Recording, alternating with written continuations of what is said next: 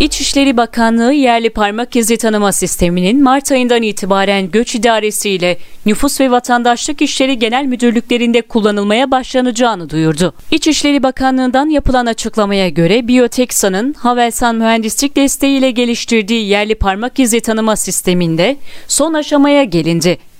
Adli inceleme, kimlik tanıma ve kimlik doğrulama işlemlerini hızlandırmak ve güvenilirliği artırmak üzere başlatılan biyometrik veri sistemi projesinin ilk ürünü yerli parmak izi tanıma sistemi, Mart ayından itibaren Göç İdaresi Genel Müdürlüğü ile Nüfus ve Vatandaşlık İşleri Genel Müdürlüğü'nde kullanılmaya başlanacak. Sistem daha sonra Emniyet Genel Müdürlüğü Kriminal Daire Başkanlığı ve Jandarma Genel Komutanlığı Kriminal Daire Başkanlığı birimlerinin kullanımına sunulacak. Halen yabancı menşeli biyometrik veri sistemlerini kullanan Türkiye, böylelikle kendi imkanlarıyla biyometrik veri sistemi geliştiren dünyadaki 7. ülke olacak.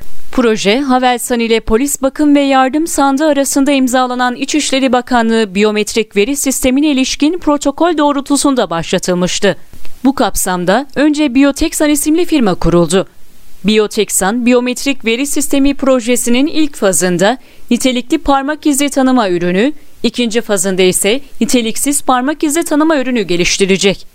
İlerleyen süreçlerde de yerli ve milli olarak tüm güncel biyometrik tanıma teknolojilerini içeren merkezi bir ulusal biyometrik veri yönetim sistemi devreye alınacak. Merkezi biyometrik veri sisteminin kurulması ile birlikte tüm resmi kurumlara ve özel şirketlere hizmet verebilecek bir altyapı oluşturulacak.